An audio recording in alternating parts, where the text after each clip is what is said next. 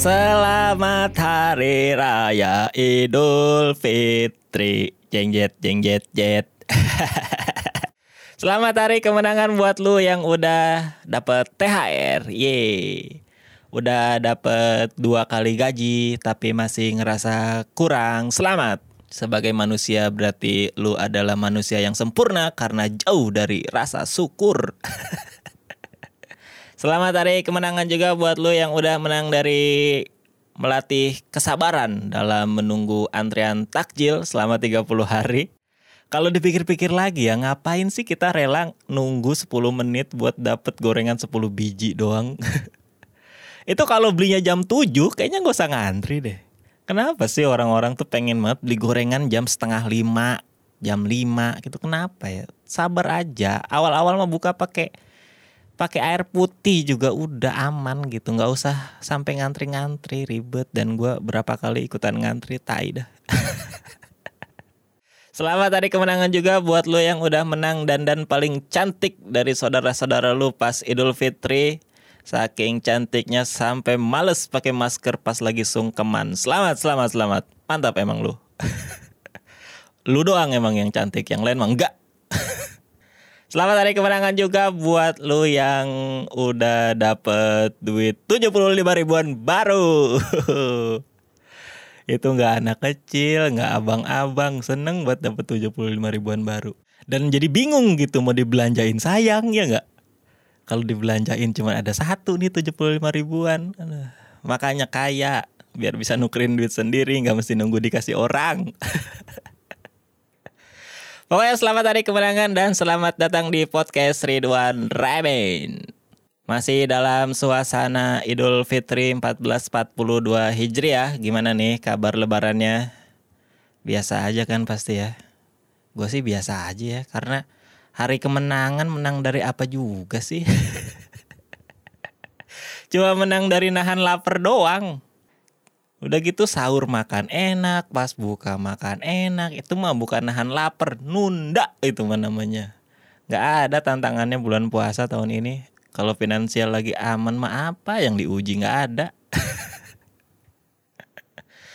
Cuman ya ini lebaran kedua di masa pandemi jamaah sholat id udah rame, udah normal. Kemarin gua sholat itu setengah lapangan kurang. Bukan setengah lapangan ya kurang tapi kayak terpal kan pakai terpal tuh. Terpalnya kurang. Jadi ada yang rumahnya dekat-dekat lapangan sampai harus ngeluarin karpet, harus ngeluarin tiker gitu. Ada yang bawa-bawa koran satu satu Gramedia kayaknya tuh koran di bawah. Coba buat buat orang sholat. Udah gitu dan kebiasaan kalau sholat itu yang diincer cuman sholatnya doang. Biasanya udah mulai jam setengah delapanan, langit mulai panas, ceramah tuh udah nggak didengerin.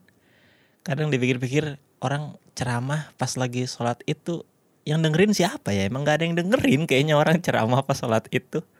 Kayak semua orang tuh udah sibuk pikirannya sama opor ayam, THR, foto-foto keluarga, update di sosmed, balesin pesan. Ah, tidak ada yang dengerin ceramah. udah gitu ceramahnya panjang lagi siapa yang dengerin?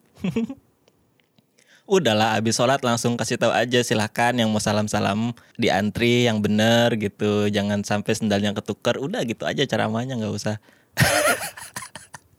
Karena gak ada yang dengerin juga gitu. Lu dengerin gak ceramah di sholat itu? Enggak, gue rasa lupa lu pasti. Kita lebih lebih apa ya? Ya lebih fokus sama next setelah sholat id ini kita mau ngapain? Mau ketemu siapa? Mau ke rumah yang mana dulu? Biasanya sungkeman ke mana dulu? Nggak ada yang dengerin ceramah nggak ada. Bahkan kayaknya ya, yang ceramah aja tuh nggak dengerin dia sih. ya gimana sih maksudnya? Ya maksudnya yang ceramah tuh kayaknya juga ya kosong aja gitu dia menyampaikan tapi kayak nggak yakin gitu. Ini ada yang dengerin gak sih gitu? Sama lah kayak podcast ini. Siapa sih yang dengerin podcast ini? Nggak ada lah makanya gue berani ngomong gitu kan. Cuma kadang kalau dipikir-pikir yang jadi apa penceramah pas lagi sholat id atau yang lagi ngumumin uh, pendapatan amal jariah terus apa namanya jakat fitrah, jakat mal tuh kasihan loh karena kan menghadap matahari langsung. kita kan sholat menghadap ke barat, matahari terbit dari timur. Jadi kan yang ceramah itu ngadepnya ke matahari gitu. Jadi kasihan loh ceramah panjang-panjang udah silau nggak ada yang dengerin, aduh. Udahlah, nextnya Idul Adha ceramahnya nggak usah panjang-panjang, bentar-bentar aja, nggak usah terlalu caper. Aduh, baru episode kedua ini sudah memancing amarah. Jadi di lebaran kedua di masa pandemi masih belum bisa mudik. Cuman kayaknya juga gue lihat postingan temen-temen gue ya mudik-mudik aja gitu kayak santai aja. Sama kayak inilah, sama kayak kita kalau mau ke mana susah tapi kayaknya ada orang yang gampang deh ke situ gitu. Kayak apa ya? Ya memang seperti itulah negeri ini. Anjay. katanya kalau mau mudik susah ribet gitu. Harus ini harus itu. Gue kayak lihat teman-teman gue nggak ada yang ngeluh susah nggak ada yang ngeluh apa ya. Balik balik aja gitu santai aja gitu. Semua itu demi konten. Biasanya dateng pulang kampung demi konten. Demi foto-foto suasana lebaran. Ada yang foto sama keluarganya ada yang foto sama pasangannya, ada juga yang foto selfie. Banyak juga tuh gue lihat di Instagram yang upload foto selfie. Tuh gue nih nekat juga nih orang. sama gitu kayak gue kayaknya ya nggak akrab-akrab banget sama keluarga. Cuman ya bedanya dia lebih cakep, lebih pede gitu. Jadi pede gitu ngeluarin konten selfie di bulan puasa. Kalau gue kan udah cakep enggak, pede enggak, akrab sama keluarga juga enggak. Jadi ya terpaksa lah di hari H nggak ada konten apa-apa. Tadinya gue mau ngupload foto ini setup PC gaming gue. Kata gue kayaknya nggak pas deh momennya di lebaran-lebaran gini pamer PC. Dan biasanya yang memang identik sama makanan-makanan khas juga kalau bulan puasa di rumah gue juga kebetulan banyak makanan, di tetangga-tetangga gue juga banyak makanan, datang ke rumah nenek dikasih makanan, semua makanan. Dan masalahnya semua makanan itu sama. Ketupat lagi, rendang lagi, opor ayam lagi gitu. Jadi kayak mau makan di situ ah ntar di rumah juga makan mau makan di sana ah ntar juga di rumah makan sama gitu nggak nggak ada yang beda dari tahun ke tahun. Paling yang beda kalau di rumah gua itu suka ada ayam eh bukan, ada ikan gurame. Nah, ikan gurame itu biasanya emang identik sama lebaran kalau di rumah gua ya. Jadi gua ketemu ikan gurame ya pas lebaran doang. Nggak ada gitu momen di keseharian gua datang ke kafe terus mesen gurame itu nggak ada. dan kayaknya juga emang nggak ada ya orang yang datang ke restoran terus sama pacarnya mesen gurame itu kayaknya nggak ada deh.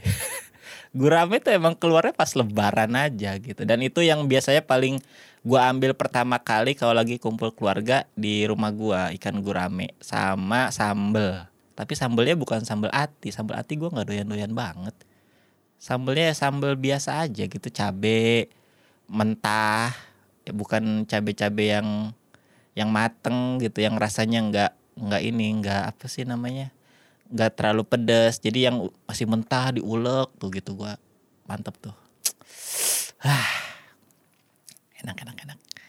Kalau ketupat gua nggak terlalu ini ya. Ketupat tuh meskipun itu adalah ciri dari Ramadan atau Lebaran, gue tapi tidak menikmati ketupat gue. Gue makan karena ada aja, bukan karena gue suka ketupat kalau di antara makanan-makanan sejenis gue sih lebih senengnya makan lontong daripada ketupat. Karena lontong kan ada ininya ya ada oncom ada kadang sayur dalamnya gitu. Kalau ketupat tuh ya ya ya beras aja gitu. Jadi nggak bisa dimakan sendiri harus dimakan ada temennya gitu. Sementara kan ketupatnya aja udah ngenyangin gitu. Jadi gua nggak terlalu suka makan ketupat karena ketupat itu ini sama kayak um, apa ya? Sama kayak sambutan kepala yayasan pas lagi rapat orang tua murid. Nah itu tuh sama-sama banyak tapi nggak ada isinya gitu. apa sih ketupat tuh? Iya kalau makan nasi ya nasi aja lah. Kenapa nasi harus dikerasin terus langsung dibentuk-bentuk gitu? Kenapa sih? Ya udah makan nasi aja lah. Kalau lontong kan ada oncomnya enak, ada sayurnya enak. Ketupat tuh iya, iya gitu udah tidak menarik. Terus biasanya kalau lebaran kan identik sama bagi-bagi THR, bagi-bagi duit ke anak-anak kecil, ke keponakan, ke sepupu, ke anaknya tetangga gitu. Dan biasanya yang sudah kerja akan ngasih ke yang belum kerja atau ke yang masih kecil gitu. Kemarin tuh gua udah nukerin duit berapa ya gua? Pokoknya dua kali ngambil di ATM aja ya segitulah nominalnya tapi yang keluar dari kantong gua itu cuma cuma dua kali gua ngeluarin duit jadi sisanya tuh masih banyak karena bingung juga ya ternyata kalau mau ngasih orang tuh basa basinya gimana ya bingung loh gua kira kalau kita mau berbuat baik tuh ya berbuat baik aja gitu nggak ada basa basinya ternyata perlu dipikirin juga loh kalau kita mau ngasih keponakan kita terus ngasihnya biar biar kita terlihat keren tuh gimana? Biar tidak terlihat sombong gitu. Masa kan nggak enak kalau eh nih duit buat lu. Malu nggak ngasih kan? Nih buat lu. nggak enak gitu. Tapi kalau mau basa-basi juga bingung. Gua ngeliatin bibi gua, terus uh, abang-abang gua ngasih duit ke keponakan tuh kayak enak banget gitu ngobrol basa-basi terus udah dapat berapa? coba lihat nih ditambahin gitu enak banget ngasih kok gue gimana ya gue ngasihnya ya padahal yang gue kasih tuh lebih banyak loh dari si bibi itu niatnya cuma karena gue nggak menemukan bahasa basinya akhirnya nggak jadi ngasih makanya gue abis itu nge-tweet untuk niat baik udah dicatat duluan meskipun belum dilakuin. Habis bingung gitu kalau bibi-bibi atau abang-abang tuh enak bisa ngobrol dulu sama anak kecil kayak basa-basi bercanda ngasih duit. Sementara gue tuh gimana mau ngobrol gue mau manggil aja gue nggak tahu namanya kan gue nggak akrab gitu. Nggak bisa yang hehe nih nih nih ini udah ada ambil gitu. Nggak bisa gitu. Akhirnya ya pulang tuh gue dari rumah nenek gue kantong gue masih penuh. Gue cuman ngasih ke nenek gue sama ngasih ke uh, adiknya nenek gue udah gitu. Ke yang tua malah ngasihnya bukan ngasih ke yang kecil. Karena yang kecil tuh udah guanya nggak akrab. Mau gua bayar-bayain juga kadang songong gitu. Jadi ah udahlah gak usah dikasih bocah kayak gini mah biar susah aja dah. Mau dibaikin kok nggak mau. Ya udahlah gitu kalau nggak suka.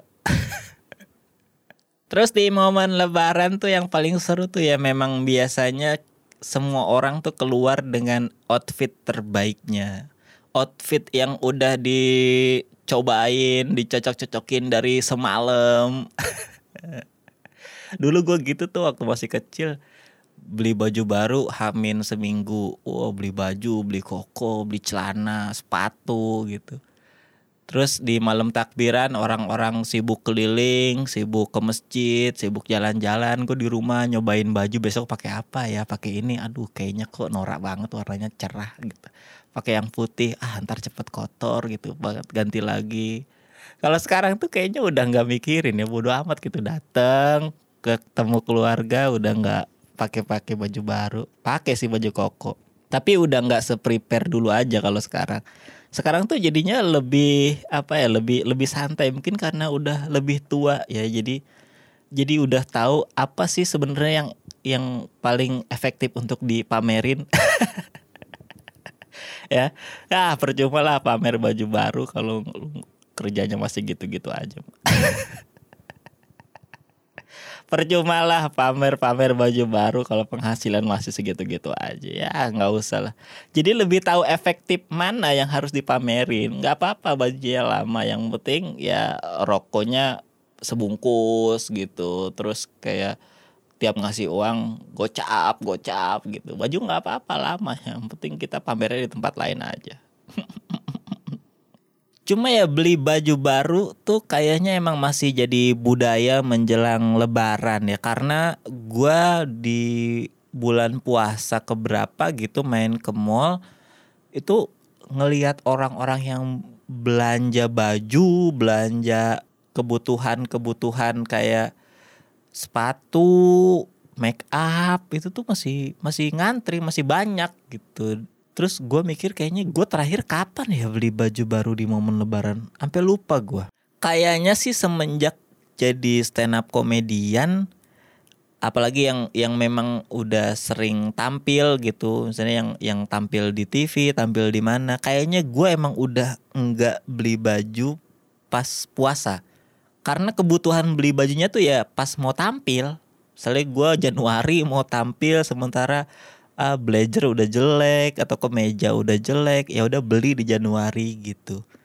Dan biasanya sebulan sekali gue beli baju untuk tampil. Seenggaknya kalau ada undangan di tempat yang sama kayak misalnya di stasiun TV yang sama ya bajunya bisa beda gitu. Atau kalau di perusahaan yang sama ya kemejanya bisa beda blazernya bisa beda gitu. Jadi sebulan sekali emang emang udah beli baju. Dan akhirnya ya bikin kebutuhan untuk beli baju di bulan puasa mendekati lebaran itu buat gue sih udah nggak ada gitu. Makanya gue kalau lihat orang-orang yang beli baju di bulan puasa atau sebelum lebaran gitu gue mikir kayaknya ini orang apa jarang manggung ya? Kok beli bajunya setahun sekali? Dan masih ada nggak ya orang yang sholat id pakai sepatu itu norak banget sih kayaknya ya datang sholat id pakai sepatu tuh udah udah norak banget. Datang sholat id pakai sandal baru aja udah norak gitu, udah. Ya lah ngapain sih mau sholat pakai sandal baru gitu. Apalagi yang datang sholat id pakai sepatu baru itu udah aduh paling norak banget tuh. Kayaknya emang dia beli sepatu setahun sekali aja gitu. Dan kayaknya dia nggak tahu ada tempat lain untuk pakai sepatu gitu ya. Jadinya ya udahlah ayo kita sholat id ke lapangan pakai sepatu. Terus kenapa di rumahnya nggak ada ngingetin? Kamu ngapain sih? Kok pakai sepatu? Kita mau ke lapangan. Abis hujan tahu tadi subuh. Ini ngapain sih? Nggak ada yang ngingetin ya? Atau mereka bangga juga. Ih bagus sepatunya. Bisa nyala. Silakan dipakai. Injek-injek aja sejadahnya. Nggak apa-apa. Pakai aja pakai sepatunya. Tapi kan kalau makin ke sini ya biasanya gue nggak tahu sih kalian yang lagi denger ini umurnya berapa terus lagi di masa apa gue nggak tahu tapi kalau di umuran gue di masa gue gue gue pernah Nora gue pernah sangat excited sekali menjelang Lebaran terus sangat antusias sekali sama momen kumpul keluarga. Kalau sekarang tuh udah enggak udah udah ya ya udah hari lebaran tuh ya hari biasa aja hari biasa tapi kita bisa ngerokok siang-siang gitu bisa ngopi siang-siang gitu. Nggak perlu takut diomongin orang karena kita nggak puasa kayak terbebas dari itu semua. Tapi selebihnya ya udah gitu hari biasa aja buat gue mungkin karena udah nggak nemu happynya lagi lebaran sih. Dari awal lebaran bahkan sampai sekarang gue tuh lebaran di rumah. Nggak nggak yang nggak yang mudik nggak yang ke mana nggak ada yang pergi gitu. Nggak nggak ada momen yang baru juga. Bayangin udah hampir 30 tahun menghadapi lebaran yang gitu-gitu aja. Jadi excitednya udah nggak ada gitu udah. Ya udahlah lebaran gitu. Bahkan sekarang malah cenderung gue menghindari duh nggak enak lagi ngomongnya. Menghindari lama-lama kumpul keluarga. Bukan karena gue merasa terganggu dengan keramaian ya tapi karena bingung aja. Kalau lagi rame terus banyak saudara dari sana sini bingung harus bersikapnya gimana. Sementara gue jadi pusat perhatian gak mau tapi dicuekin juga gue nggak suka gitu. Jadi bingung gitu. Makanya kalau di momen lebaran sekarang sekarang tuh lebih lebih nandain siapa ya yang bisa gue ajak ngobrol nih? Satu dua orang yang kira-kira umurnya nggak beda jauh sama gue yang nongkrongnya sama-sama nggak cuma di kampung doang siapa ya ini ya? Karena kalau yang umurnya terlalu jauh tuh ngobrol yang yang ini loh apa namanya kalau ngobrol sama misalnya sama ih suara apa tuh? Serem juga tag podcast ada suara kayak gitu. Jadi kalau nongkrong atau ngobrol sama yang lebih tua tuh jadi kalau ngobrol sama yang lebih tua tuh kita jatuhnya nggak ngobrol tapi kayak di di dicari kekurangan kita terus gitu. Oh ayam. Kaget gue Anjing deh tadi gue kepikiran sampai jadi kalau ngobrol sama orang yang lebih tua dari kita tuh jatuhnya bukan ngobrol gitu tapi kayak kita dicari diulik kesalahan kita apa kekurangan kita apa terus dinasehatin. Gue tuh paling males tuh denger denger denger denger nasehat dari orang tuh gue entah kenapa males ya. Meskipun itu saudara meskipun itu uh, deket gitu meskipun ya memang dia lebih sukses dari gua atau dia lebih kaya dari gua, lebih bahagia hidupnya dari gua. Tapi kalau dia nyeramahin gua, gua males dengerinnya gitu. Karena kan yang baik menurut orang lain belum tentu baik menurut gua gitu. Maksudnya cara-cara hidup yang dia pakai yang bisa bikin dia sampai di posisi yang menurut dia lebih baik dari gua itu belum tentu gua pengen gitu. Gua belum tentu pengen ada di posisinya dia. Jadi nggak usah lah ceramah-ceramahin gue hidup gue tuh udah udah oke okay menurut gue udah udah udah nggak ada masalah. Jadi ayolah kita ngobrol hal yang lain aja. Itu kalau ngobrol sama yang lebih tua. Kalau ngobrol sama yang lebih muda itu nggak nyambung. Karena gue harus menurunkan referensi gue gitu. Gue harus ngulik gue harus harus tahu ini apa ya yang bisa dibahas sama kita berdua? Kalau gue sih banyak yang bisa gue bahas, tapi dia kayaknya enggak deh. Dan gue males gitu, apalagi kan kita ya ya udahlah gitu. Gue memang tidak punya etikat baik untuk membangun komunikasi sih emang pada dasarnya jadi emang salah gue lah. Sementara kalau sampai sepantaran tapi dia nongkrongnya nggak keluar dari kampung atau ya nongkrongnya masih di seputaran kampung aja obrolan itu mentok gitu. Mentok di di masalah karir masalah gaji masalah eh ya mungkin jodoh gitu kalau ada yang belum dapet. Ya mentok di sana gitu. Sementara kita tuh nggak ada topik lain nggak pernah di keluarga gue kayaknya nggak pernah deh ngobrolin isu-isu penting di Indonesia tuh. Kayak kalau ngumpul nggak nggak pernah. kayak kalau grup-grup keluarga lain gitu kayaknya rame gitu ya. Ada isu apa rame gitu. Isu apa rame. Kayak di keluarga gue nggak ada yang peduli sama isu-isu negara deh kayaknya. Kayak kita lebih lebih apa ya? Lebih ya udahlah ini hidup ini ya udah kita jalani apa pun ya sama aja lah. Mau mau peraturan seperti apa pun ya sama aja lah gitu. Bahkan kemarin tuh waktu uh, kumpul-kumpul keluarga masih ada yang nyeletuk kapan nih jalan-jalan? Gitu. Kayak kita tidak peduli tidak ada tidak ada apa ya tidak ada uh, kepedulian. Oh ini tuh lagi covid ya. Negara kita tuh lagi lagi jaga-jaga tidak kumpul bareng tapi ini ngajak jalan-jalan gitu masih ada. Tapi ya udahlah. Jadi gitu momen lebaran di rumah gua dan kebetulan uh, sampai saat ini gue belum punya foto pakai baju koko. Makanya terakhir tuh pas malam takbiran cuman bisa posting pakai baju koko pas lagi di kantor stand up Indo. Jadi belum ada nih. Padahal baju koko tuh gue punya berapa ya? Punya empat dikirimin. Satu gue kasih Kang Dika waktu nge-host. Tiga lagi eh ya buat gua. Satu dipakai di stand up Indo. Satu lagi dipakai buat uh, Idul Fitri, sholat, nah tinggal satu lagi. Tapi belum gue pakai dan belum gue foto sama sekali. Tapi ya nggak apa-apa lah ya, nggak penting juga lah. ya udah berapa menit nih? Aduh, ini gue enak banget loh. Ini tag podcast di kamar sambil duduk di kursi gaming yang sandarannya gue kebawahin jadi sambil rebahan gitu. Aduh enak banget emang take podcast kayak gini. Kalau kalau ngerjain sesuatu yang nggak ada kontrak kerjanya tuh emang bisa semaunya ya.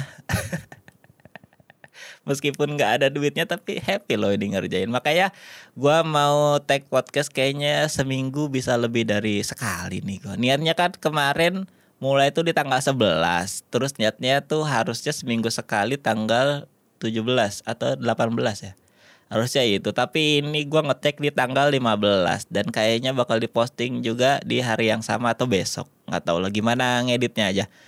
Jadi kayaknya nggak akan nentu nih podcast tayangnya di hari apa ya sebisanya gue aja kalau lagi bisa ngetek kalau lagi ada bahan ocehan ngetek praktek kalau nggak ada ya nggak ada. Mungkin seminggu sama sekali nggak ada dua minggu sama sekali nggak ada. Tapi kalau lagi banyak ya banyak gitu aja lah. Nggak ada kontrak kerja jadi semaunya aja.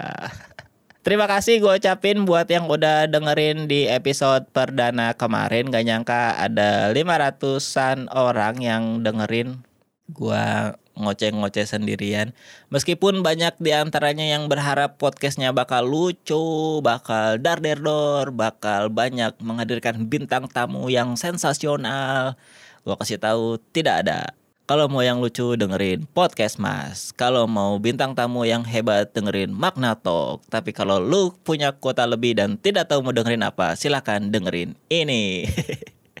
Enggak lah, gue bikin podcast buat gue sendiri aja, buat ngoceh-ngoceh aja, buat gue ngedumelin apa pun yang lagi pengen gue dumelin. Karena biasanya kan kalau ocehan-ocehan gini tuh gue tulis, gue jadiin materi, tapi karena nggak ada panggung buat nyobainnya juga banyaknya juga panggung-panggung yang langsung kerjaan yang di mana dituntut harus lucu harus aman jadi gue nggak bisa gitu sembarangan ngoceh-ngoceh materi baru nggak ada punchline yang yang dipikirin banget gitu. Jadi ya adanya podcast ini mudah-mudahan bisa membantu gue lah.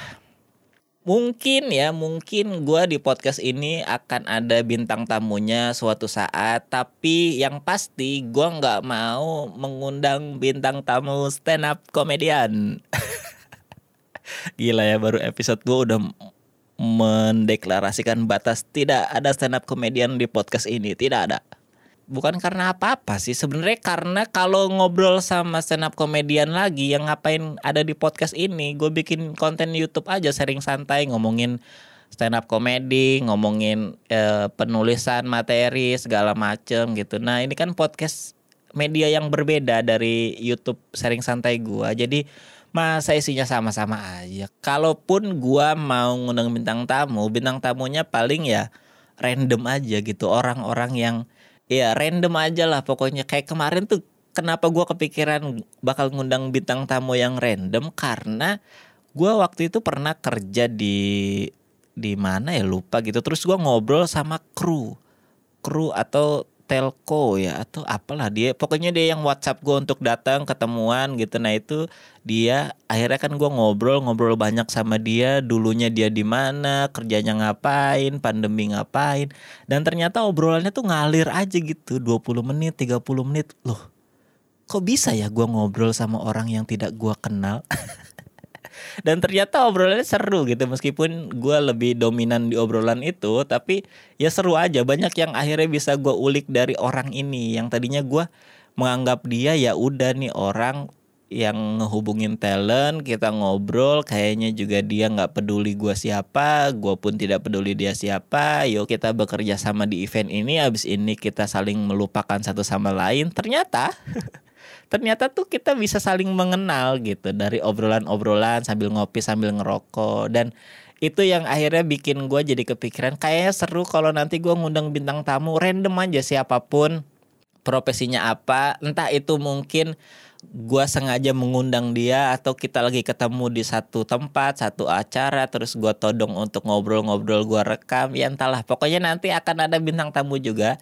supaya nggak cuma gua ngobrol sendirian. Karena kalau cuman gua ngobrol sendirian jatuhnya tuh terlalu ini ya terlalu capek guanya. Ngomong sendiri ngedit sendiri posting sendiri promo sendiri semua aja sendiri